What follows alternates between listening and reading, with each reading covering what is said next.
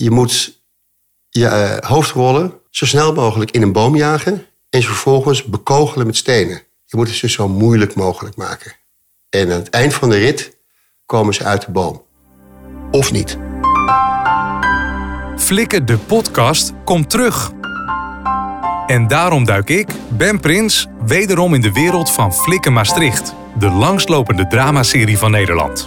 Kun je je deze Bad Girl nog herinneren? En ik wist zelf pas de eerste draaidag opzet dat het personage uiteindelijk achter alles zou zitten. Eh, Ze gaat van serveerster naar secretaresse, naar uiteindelijk het masterbrein achter de organisatie. Virtus et Justitia. Hoe komt de serie ieder seizoen weer aan al die acteurs? Ik denk dat je moet uitgaan van 150 rollen per seizoen. Jeetje.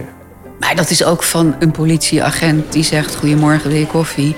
Tot een langlopende lijn die door tien afleveringen heen gaat. Er zijn al heel wat schietpartijen, branden en ontploffingen voorbijgekomen. First Dave, We hebben wel een beetje de reputatie van grote vuurballen te kunnen maken. Gecontroleerd en veilig en dat we weten wat we doen, maar het kan groot gaan bij ons. En al heel wat acteurs hebben die witte blouse en dat chique politiejasje van de hoofdinspecteur aangehad. Daar heb ik ook verschrikkelijk veel mee gelachen.